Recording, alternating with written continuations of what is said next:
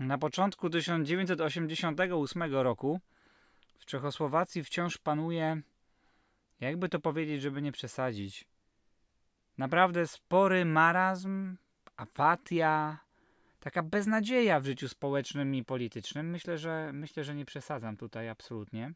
I także na poziomie koncertowym, bo jeśli spojrzymy na Budapeszt i inne stolice e, europejskie za żelazną kurtyną, to tutaj naprawdę pojawiają się już wielkie gwiazdy z zachodu, takie jak Queen, Iron Maiden, Peter Gabriel, Genesis, a czechosłowacka publiczność wciąż czeka blisko 20 lat na koncert wielkiej zachodniej e, gwiazdy. I władza w końcu postanawia to zmienić. Zapraszają Chrisa Normana z zespołu Smokey. I tutaj specjalnie troszeczkę zawiesiłem głos, żebyście mogli sobie postawić po jednej stronie tego Chrisa Normana, a po drugiej stronie zespoły, które przed chwilą wymieniłem. Porównać je. E, okazuje się w krótkim czasie, że nawet ten nieszczęsny Chris Norman się nie pojawi, bo się po prostu rozchorował i swój koncert e, odwołał. No można powiedzieć, że jakaś wielka klątwa ciąży nad tą wygłodniałą czechosłowacką publicznością, która już się miała doczekać jakiegoś koncertu, a, a jednak to się nie wydarzy. Promotor Chrisa Normana proponuje jednak, że wypełni umowę i za niedysponowanego artystę przyśle inny zespół ze swojej stajni. Będzie to bardzo przyjemny kwartet z miasta Basildon w hrabstwie Essex, który zwie się Depeche Mode. To jest pierwszy odcinek podcastu pod specjalnym nadzorem pod tytułem Czarne Święto. Ukončete nástup do osobního vlaku číslo 6276. Vlak je připraven k odjezdu. Na początku pragnę przeprosić wszystkich fanów Chrisa Normana i grupy Smokey za ten wstęp. E, mogę nawet posłuchać dzisiaj wieczorem w ramach pokuty jego singiel chyba. Wtedy to był nawet spory hit, jeśli dobrze pamiętam, Midnight Lady.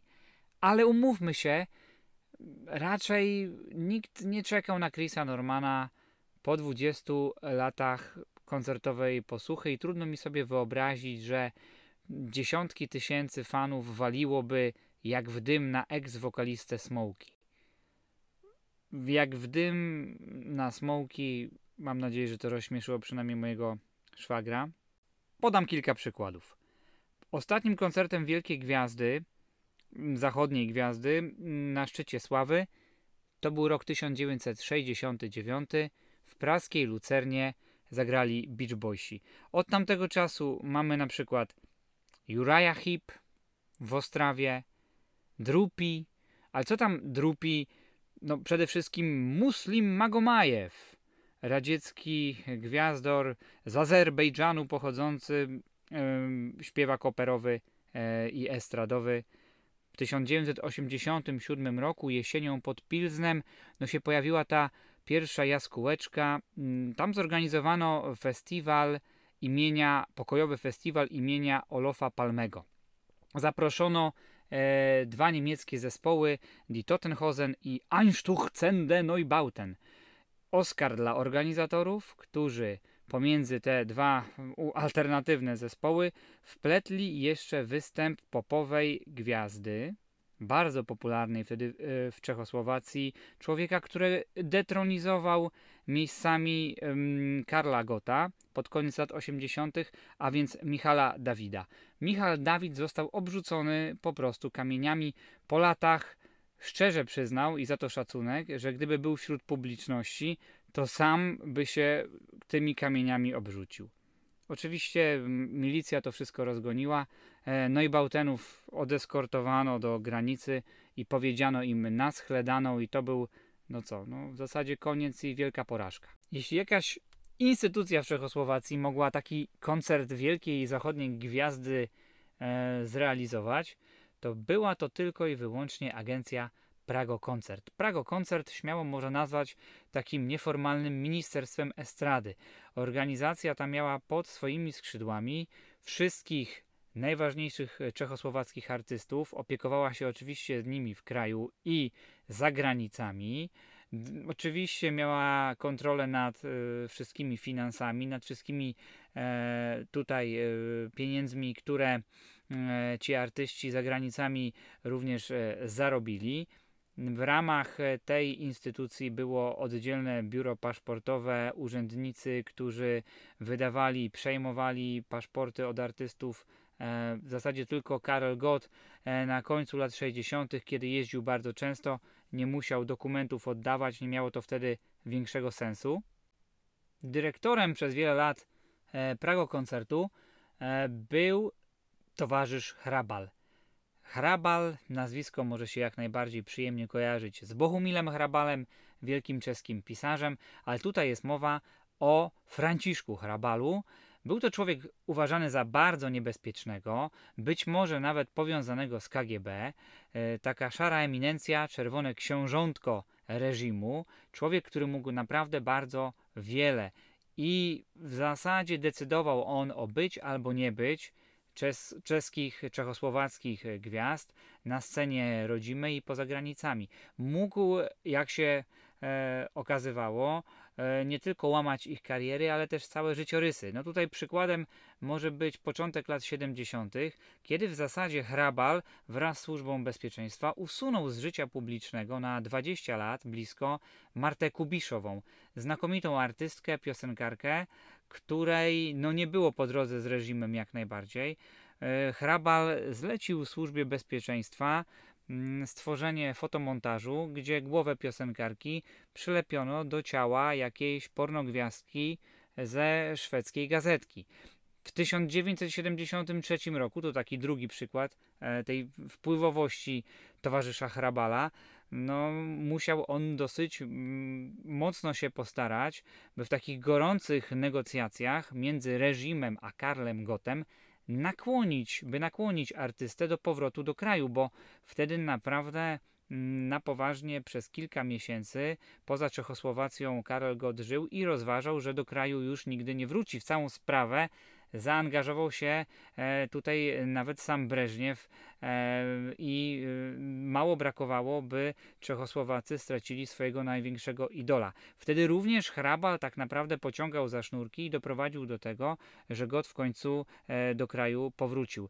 Mówię o tym nie dlatego, żebym tutaj jakoś mieszał wątki, czy e, tak naprawdę otwierał e, e, tych wątków zbyt wiele naraz, ale chcę podkreślić, że mówimy tutaj o organizacji, która absolutnie wiedziała, co robi i e, która no, miała e, znaczący wpływ na popkulturę, e, na estradę, na wydarzenia kulturalne w kraju w czasie komunizmu. Jak mogło do tego dojść, że ktoś nie do końca być może przemyślał tych depeszów? Być może był to przypadek, być może któryś z urzędników, który odpowiadał za wykonanie tej umowy, już machnął ręką, stwierdził, że tą umowę trzeba doprowadzić do końca i za chorego Chrisa Normana kogoś sprowadzić. Być może też reżim nie do końca e, zdawał sobie sprawę z tego, jak silna jest subkultura depeszowców, depeszaków, jak się o nich mówiło, e, w Czechosłowacji wtedy. Jest tutaj jeszcze jeden faktor, na który warto zwrócić uwagę. E, ogłoszono już wtedy, że do Pragi w kwietniu przyjedzie z wizytą Gorbaczow. Być może ktoś wyszedł, czy próbował wyjść naprzeciw wydarzeniom, przypuszczał, że wraz z przyjazdem Gorbaczowa może rozpocząć się jakaś fala odwilży. Tu już tak wyprzedzając, nic takiego się nie stanie. Zwróciłbym uwagę na to, że ta wizyta e, również mogła tutaj mieć wpływ na te wydarzenia. Mleko się jednak już rozlało, trzeba drukować plakaty. Prago koncert szybko zorientował się, że akcja promocyjna nie będzie na szeroką skalę zupełnie potrzebna. No musieli się złapać za głowę, kiedy w krótkim czasie e, przyszło aż 90 tysięcy pisemnych próśb o bilet. Tych szczęśliwców mogło być tylko 15 tysięcy, bo tyle osób mogło wejść do hali sportowej na terenie praskich targów, na praskim wystawiści a mówi się, że blisko 250 tysięcy osób mogło być wtedy w Czechosłowacji zainteresowanych e, zakupem biletu i zobaczeniem depeszów na żywo. Bilet kosztował 150 koron. To była zaporowa cena dla młodych ludzi, a mimo to tak mocno byli zdecydowani, by na ten koncert się dostać. W przeliczeniu na piwo, a wiadomo, że wszystko w tym kraju na piwo można przeliczyć, to było aż 60 piw. Cała beczka piwa za e, te 150 koron. Gdybyśmy weszli do mieszkania depeszaka, depeszowca czechosłowackiego, na, pod koniec lat 80. E, i przeszli do kuchni, to tam na 100% na kuchence zobaczylibyśmy mm, garnek z rozrobionym czarnym barwnikiem. No, nie było innej możliwości, ponieważ w Czechosłowacji można było kupić ubrania we wszystkich kolorach, ale na pewno nie w kolorze czarnym. Został on uznany za dekadencki, upadkowy, za kolor śmierci e, i nigdy, nigdy się e, nie pojawiał. Trzeba było naprawdę na potęgę wszystko farbować. Jeden z recenzentów e, koncertu Depeche Mode, tego praskiego, z samizdatowego podziemnego magazynu w okno napisał, nawet pod wpływem tych wydarzeń, że czerń jest kolorem życia. Na pewno z tym się nie zgadzało czechosłowackie społeczeństwo wtedy. Jeden z założycieli pierwszego mm, e, fanklubu Depeche Mode, Petr Szwichowec, e, wspomina, e, że miał wielkie szczęście, ponieważ jego dziadek pracował w fabryce Hemapol, która produkowała różnorakie barwniki i przynosił mu ten kolor czarny i razem się świetnie przy tym bawili, mm, farbując y, różnorakie ciuchy e, młodego Petra. No, on był zachwycony, dziadek był zachwycony, najgorzej to znosiła babcia, która uważała, że chyba ich wnuczek się już szykuje na, na pogrzeb, babci i dziadka. Natomiast e, on też, tu ciekawa historia, kiedy zakładał ten fan klub, musiał się e, stawić e, jeszcze na Ministerstwie Spraw Wewnętrznych. Było to jeszcze przed upadkiem komunizmu, pod wpływem tego koncertu Depeszów i nawet puszczał tam urzędnikom nagrania Depeche Mode. No, musiała być to naprawdę całkiem radosna scenka. Tak naprawdę w Czechosłowacji to społeczeństwo było bardzo zuniformizowane. Pisarz Jachim Topol powiedział o, tym, o tych czasach, że w zasadzie czuło się taką kontaminację strachem. Naprawdę wszyscy byli tym zakażeni, wszyscy byli tym nasączeni. Mm, w zasadzie wystarczyło ubrać jakąś inną niż inni kurtkę, czy bluzę, czy płaszcz, trochę bardziej ekstrawagancki, byśmy powiedzieli, by już budzić jakieś poruszenie e, czy spojrzenia e, przechodniów e, na ulicy.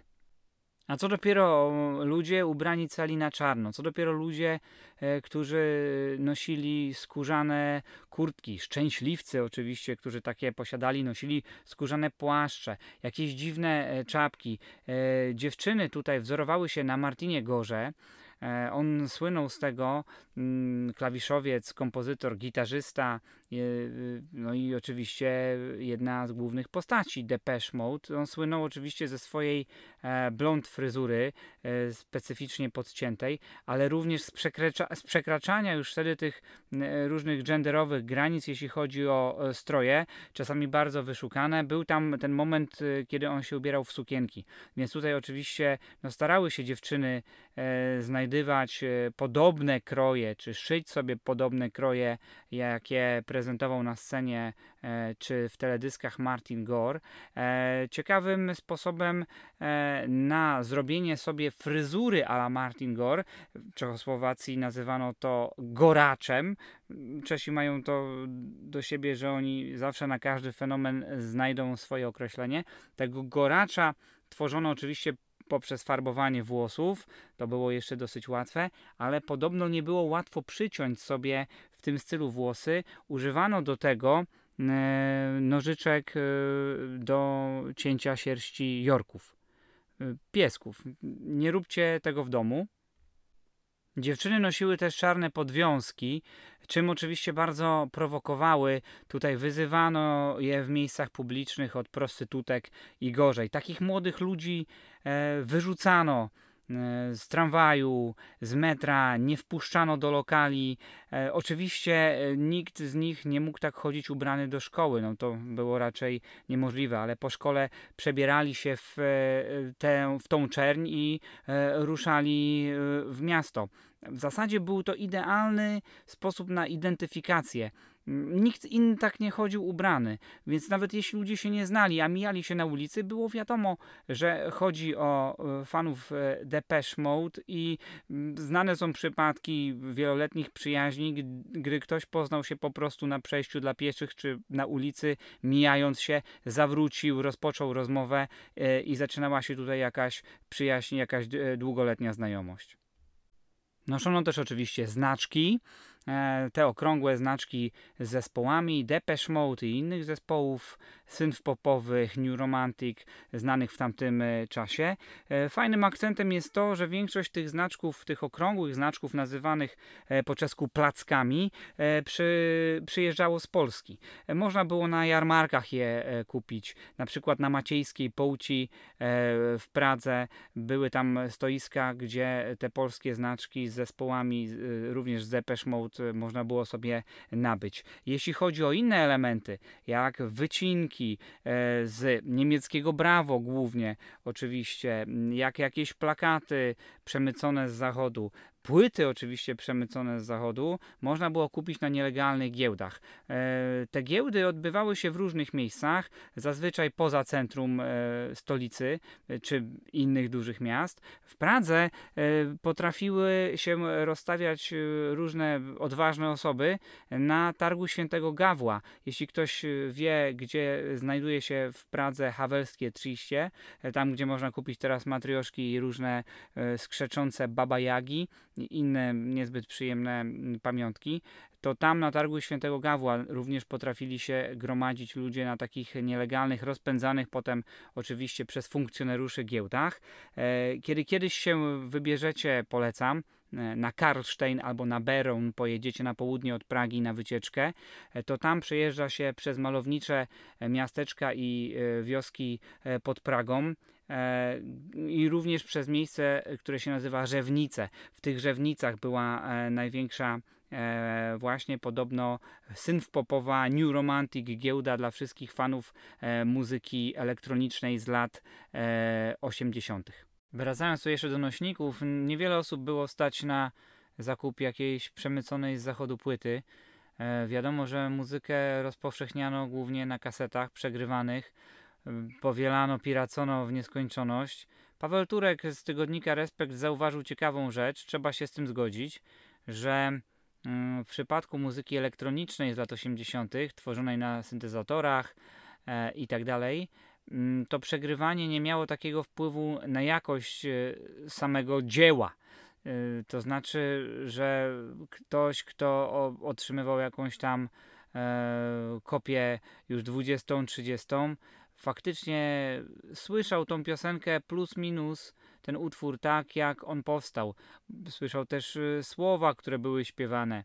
Mi się wydaje, dodałbym od siebie, że tak naprawdę to przegrywanie czasami mogło e, tej muzyce Depeche Mode i innych zespołów jeszcze dodawać mm, atmosferę. No, oprócz tego, że gdzieś tam ganiano za mm, fajnymi, powiedzielibyśmy teraz, gadżetami na nielegalnych giełdach, to jeszcze i tańczono. Odbywały się dyskoteki, odbywały się jakieś potańcówki fanów e, Depeche Mode i w ogóle tego grania New Romantic, synth pop, powiedzielibyśmy New Wave również, bo nie tylko Depeche Mode można było sobie tam posłuchać, ale takich zespołów jak Bronski Beat, e, Duran Duran, The Cure, New Order czy na przykład Frankie Goes to Hollywood. Mm, jeśli chodzi o miejsca, wiadomo, że większość tych potańcówek odbywała się poza centrum, również i w centrum Pragi e, była taka dyskoteka, która się nazywała Srdiczka i tam e, grywał e, tego typu rytmy DJ Sekanina. DJ Sekanina to jest chyba jedno z najbardziej oryginalnych określeń y, czy pseudonimów DJ-skich, jakie e, kiedykolwiek e, słyszałem. E, sprawdźcie sobie sami w internecie, co to za potrawa sekanina. Z XIX, a nawet XVIII wieku tak naprawdę. Do, dodatku, w dodatku No Waste, nie chcę już chodzić tutaj znowu w kulinarne e, anegdoty, bo za chwilę się z nich nie odkopię. Ten DJ Sekanina grał przed specyficzną publicznością, bo tam się spotykały właśnie dwie, no śmiało możemy powiedzieć, subkultury, które gdzieś w oparach właśnie tego e, synth popu, New Romantic cały czas się poruszały. E, byli to właśnie depeszacy, czyli de, depesze, a po drugiej stronie byli wekslacy, czyli, mm, czyli cinkciarze, którzy tam w okolicy, na Nowym Mieście, w okolicy Placu Wacława handlowali walutą i bonami przede wszystkim. Depesze siedzieli po prawej na tej dyskotece, e, wekslacy, czyli mm, cinkciarze siedzieli po lewej, no ale jak już się zrobiło gorąco, to gdzieś tam się razem obydwie e, te grupy e, spotkały, raczej nie w przyjemnym e, uścisku. DJ Sekanina sekał te wszystkie rytmy, a dodam tu jeszcze, że w tej samej dyskotece grał czasami muzykę człowiek, który zwał się Wacław Havel, ale zbieżność imienia i nazwiska późniejszym prezydentem mm, zupełnie, zupełnie przypadkowa. Cinkciarze prascy to teraz jest w ogóle mój ulubiony temat, przyznaję, przyznaję e, śmiało. Nie byłbym sobą, gdybym tu jeszcze nie wspomniał o filmie z 1987 roku pod tytułem Bony a Clyde. Taka, taka czechosłowacka cinkciarska wersja e, słynnego filmu Bonnie and Clyde. E, Bony i spokój. E, tam film oczywiście o cinkciarzach praskich i ich przygodach. E, przepraszam, czy tu biją mi się jakoś tak kojarzy, jeśli chodzi o polską kinematografię, troszeczkę z klimatem, ale pozostając w temacie wciąż muzycznym, to tam wykorzystano mm, w tym filmie Vita Olmera kilka piosenek Frankie Goes to Hollywood. W zasadzie pewnie na wykupienie licencji mieli dosyć ograniczony budżet, bo non-stop leci relax w tych y, takich bardziej dynamicznych scenach, a w tych bardziej romantycznych, jak również erotycznych, oczywiście The Power of Love. Polecam, może będę miał okazję kiedyś do tego e, wrócić. Wrócę w zasadzie e, dość chętnie. Praskie zainteresowanie Depeche Mode zaczyna się tak naprawdę w roku 1985 na szeroką skalę, kiedy to na praskich szkołach e, zaczynają krążyć kasety z singlem Depeszów People Are People z albumu Some Great Reward. No to jest taka piosenka symbol. To jest piosenka, która łączy w sobie wszystkie elementy, które tłumaczą, dlaczego ten zespół był tak kochany, do dzisiaj jest kochany, ale wtedy był tak pożądany i tak rozumiany za żelazną kurtyną. Sami Depesze w połowie lat 80. zrozumieli, mm, że chyba bardziej trafiają i bardziej rozumiani są właśnie po tej drugiej stronie. Zaczynają nagrywać w zachodnim Berlinie, w Hansa Studios słynnych, gdzie nagrywał David Bowie, Iggy Pop, gdzie krótko po upadku muru berlińskiego będą nagrywali swoje Achtung Baby, e, U2 i wiele, wiele innych jeszcze zespołów, ale tam z okien widać y, dobrze było mur berliński, wieżyczki strażnicze, czuło się namacalnie atmosferę podzielonego świata. Mm, w, tym, w tej piosence, w teledysku do tej piosenki, gdzie pojawiają się archiwalne zdjęcia jakichś sowieckich, e, sowieckich krążowników, mm, defilat na Placu Czerwonym e, w piosence, e, która no wprost pyta, dlaczego ludzie się tak nienawidzą, dlaczego nie możemy być w końcu zjednoczeni, dlaczego nie możemy się w końcu zrozumieć mogła się e, e, odnaleźć nie tylko praska młodzież, czechosłowacka młodzież, ale młodzież we wschodnich Niemczech, w Polsce, na Węgrzech, no wszędzie w bloku komunistycznym, być może nawet bardziej aniżeli młodzież społeczeństw zachodnich. Depesze śpiewają o samotności, beznadziei, izolacji. No, nie mogli chyba tak naprawdę trafić na lepszą publiczność, w lepszym momencie tej siermiężnej y, atmosfery lat y, drugiej połowy lat 80., w tych technokratycznych, autorytarnych systemach i przychodzą e, z tą swoją muzyką e, do ludzi, którzy doskonale wiedzą, co to znaczy w takiej izolacji i alienacji żyć, co to znaczy żyć będąc znienawidzonym, co to znaczy e, żyć w strachu. Czesi wierzą w siłę ósemek, numerologicznie rzecz biorąc. To jest jakiś rodzaj fiksacji na temat ósemek w datach rocznych. Wierzą, że zawsze, kiedy w dacie rocznej na końcu pojawi się ósemka w danej dekadzie, to coś wtedy y, szczególnego się w życiu narodu wydarzy. Można się z tego śmiać, e, ale jak prześledzimy najważniejsze wydarzenia XX wieku w historii narodu czeskiego, to zorientujemy się, że coś w tym, coś w tym jest. Najczęściej są to bardzo nieprzyjemne wydarzenia. E, przychodzi rok 88, no i tutaj mamy nie jedną, a dwie ósemki. Milan Szymeczka, czołowe pióro wśród opozycjonistów czeskich, znakomity publicysta, pisze taki esej na Sylwestra 87 roku, w którym mówi wprost, raczej nie liczcie na to, że coś się zmieni, no bo jak się kopnie ósemkę, to ta ósemka się przewraca i tworzy znak nieskończoności. Tutaj mamy aż dwie ósemki w dacie, czyli co, no, dwa znaki nieskończoności, nieskończoność do kwadratu, komuniści będą trwali wiecznie, a nasza sytuacja chyba nigdy się nie zmieni. No, już te wydarzenia z koncertem Depeszów pokazują, że jest wręcz odwrotnie. Przychodzi y, dzień 11 marca 1988 roku. Pogoda jest bardzo nieprzyjemna, ale nikt się tym podobno nie przejmował.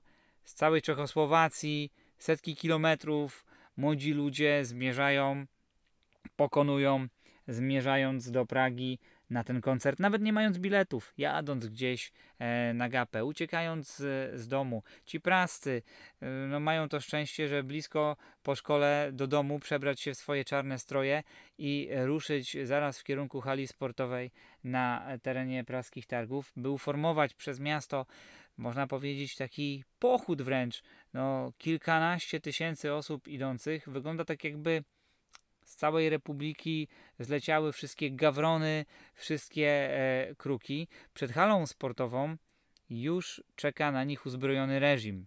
Pięć, 500 milicjantów, oddziały z psami szczujące, wojsko, armatki wodne przygotowane, STB, agenci służb bezpieczeństwa, którzy gdzieś w tłumie wmieszani e, wśród przybyłych prowokują, fotografują.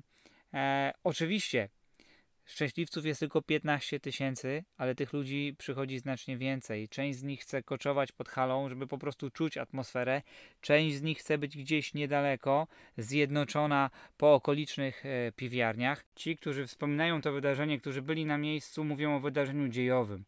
Mówią o wydarzeniu pokoleniowym, o czymś, co ich uformowało na całe życie, czego nigdy więcej nie zapomną. E, ale też mówią o takiej wręcz namacalnej odrazie, nienawiści, która płynęła ze strony funkcjonariuszy. Jakby oni wszyscy nie byli mentalnie przygotowani na tak wielkie wydarzenie. No od końca lat 60., już nie licząc oczywiście tutaj mm, pochodów pierwszomajowych, to nie było absolutnie e, takich wydarzeń do obsadzenia. Teraz nagle oni wszyscy musieli pilnować Y, kilkanaście tysięcy czarnych wyrzutków, ludzi, y, których często wprost uważano za narkomanów, homoseksualistów i elementy wywrotowe. Nagle wszyscy oni schodzą e, się w jednym miejscu i są absolutnie zjednoczeni w kulcie e, jednego zespołu. Reżim absolutnie nie lubił, no nie lubił to jest mało powiedziane, ale nie znosił wręcz, kiedy mm, ludzie jednoczyli się wokół jednej sprawy. Ci, którzy weszli do środka, chyba nie do końca wierzyli, że ten koncert w ogóle się odbędzie.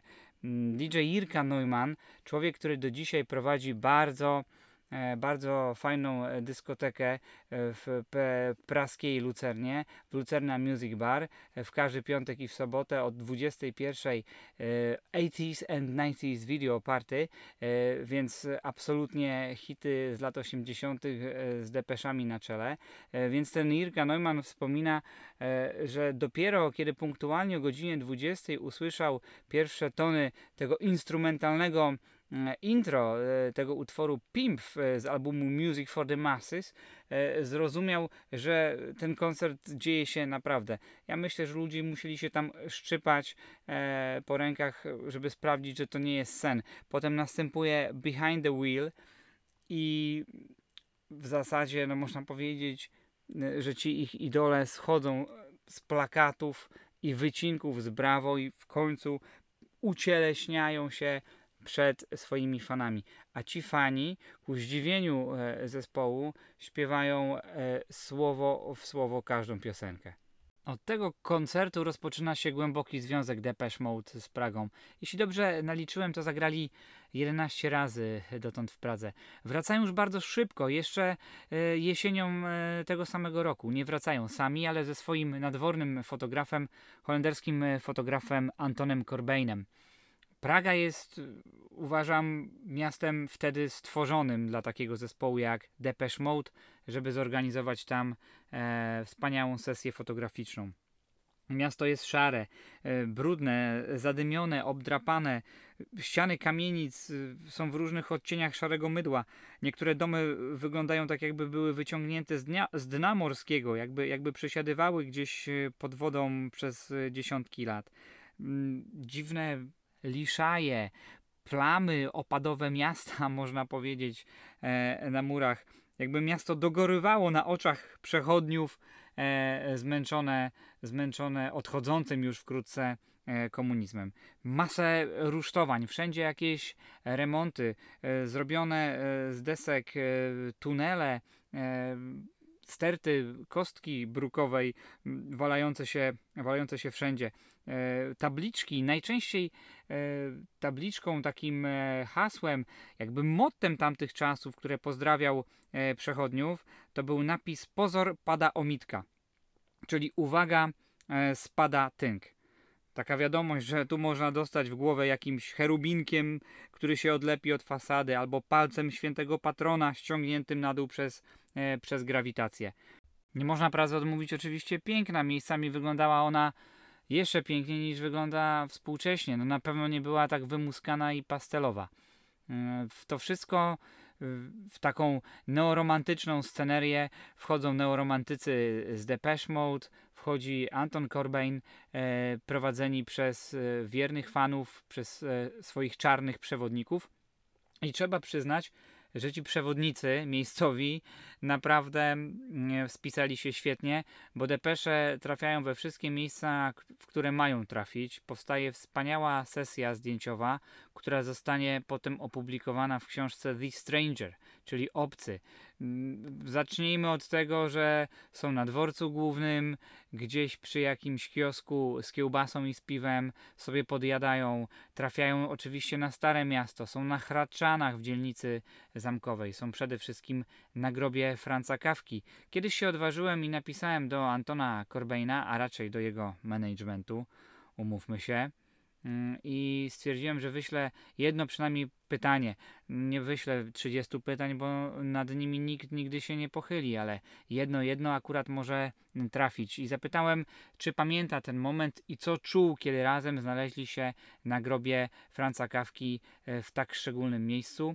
E, odpowiedziała mi cisza i stwierdzam, że ten brak odpowiedzi e, to jest chyba najlepsza odpowiedź, jaką mogłem w tym momencie e, otrzymać. Tego się nie da po prostu opisać słowami. Dochodziło do bardzo dramatycznych często e, wydarzeń, bo oczywiście depesze byli rozpoznawani na ulicach. No, Dziewczyny szczególnie histerycznie reagowały, kiedy krzyczały, kiedy płakały. E, reagowali też inni przechodnie. Andy Fletcher, zmarły niedawno klawiszowiec depeszów, wspomina, że były różne interwencje e, przechodniów. Jakieś panie zaczęły starsze podchodzić i pytać się, co dzielacie tym holkam, co robicie tym dziewczynom, no bo krzyczą tutaj, histeryzują, widząc e, jakichś panów odzianych e, na czarno w dziwnych, e, w dziwnych strojach. Mm, W pewnym momencie Corbyn e, wpadł na pomysł, że posadzi Martina Gora w tym jego a, takim charakterystycznym goraczu, jak to już określili Czesi, w tej jego blond fryzurze do m, tramwaju i zrobi mu zdjęcia, kiedy siedzi e, w oknie tramwaju przejeżdżając. Był to tramwaj e, numer e, 12. M, Okazało się, że kiedy Martin Gore e, już ruszył tym tramwajem, z za rogu nagle wyszła grupa panków. Tutaj depeszacy, którzy mieli pod opieką swoich e, idoli, strasznie się przestraszyli. No, było wiadome, że, e, wiadomo, że panki z depeszami raczej e, nie żyją w najlepszych stosunkach. Obawiano się, że mm, nie tylko zwymyślają depeszów, ale mogą im nawet zrobić krzywdę, więc cała grupa złapała tych swoich idoli i po prostu zaczęli uciekać, biec w zupełnie odwrotnym kierunku, aniżeli Martin Gore jadący e, tramwajem. Co bardziej, co bardziej wrażliwe dusze już widziały oczami e, wyobraźni Martina Gora e, gdzieś w szpitalu na Ojomie, pobitego e, i dochodzącego do siebie. Okazało się jednak, że on wysiadł na następnym przystanku i wysiadł akurat naprzeciwko wejścia do szkoły. Tam stały dzieciaczki, które sobie odpoczywały na przerwie między matematyką a WF-em. Absolutnie od razu poznały o, kogo tutaj chodzi i Martin Gore został odnaleziony za jakiś krótki czas w objęciach, w objęciach swoich fanów, w objęciach praskich żaków. Warto wrócić do tych zdjęć, bo są naprawdę wspaniałe. Y, Internet y, je nam dostarczy. Wystarczy wpisać Depeche Mode Praha 88. Ja też może wrzucę niektóre te moje ulubione na swój Twitter. Tam mnie można znaleźć jako Piotrka Gawlińskiego. E, Można też wpisać Alt Prague Guide. E, oczywiście szczęśliwcy może posiadają e, wydany przez wy- wy- wydawnictwo Taschen album DM by Anton Corbijn. E, Wyszły dwie wersje, taka naprawdę na bogato, a potem po interwencji fanów też wersja budżetowa, bo nagle się okazało, że większość ludzi w ogóle nie stać na ten album i tam mm, wiem, że również te zdjęcia się e, znajdują, włącznie ze zdjęciem Martina Gora, który jedzie tramwajem numer 12. Udało się to zdjęcie jeszcze e, zrobić. Warto wrócić nie tylko do tych zdjęć, ale warto wrócić również do tej wspaniałej muzyki. Ja nie ukrywam, że gdzieś ty- depeszów e, pozostawiłem na bocznym torze i teraz w okresie zimowym powróciłem do, do ich nagrań i to jest naprawdę wielka jakość. Mm, To jest naprawdę wspaniały soundtrack e, na ten e, akurat klimat, klimat zimowy. Wiem, że są osoby, ja też znam takie osoby, które twierdzą, że w latach 80. to raczej nic e, dobrego nie powstało. Tutaj szczególne pozdrowienia dla Ewy Turkowej z Praskich Winochradów, e, która tak myśli i cały czas powtarza osumdesatki, fuj, fuj. No 80. lata wcale nie są aż takie fuj, a jeśli miejscami są fuj, to myślę, że w tym fuj warto się czasami potaplać. Za inspirację do tego odcinka dziękuję mojej żonie Martynie i moim dwóm czarnym psom, które są w zasadzie depeszowcami, Morciakowskiemu i Donsonowi. No cóż, y, zostawiam Was z Martinem Gorem na przystanku tramwajowym e, i sam się zastanawiam, jakie to opowieści przyjadą e, następnym połączeniem, następnym tramwajem w nadchodzących tygodniach na podcaście pod specjalnym nadzorem. Mam nadzieję, że ten pierwszy odcinek był inspirujący. Dziękuję, że byliście ze mną. I ja mógłbym tak długo, ponieważ I just can't get enough, ale czasami warto enjoy the silence.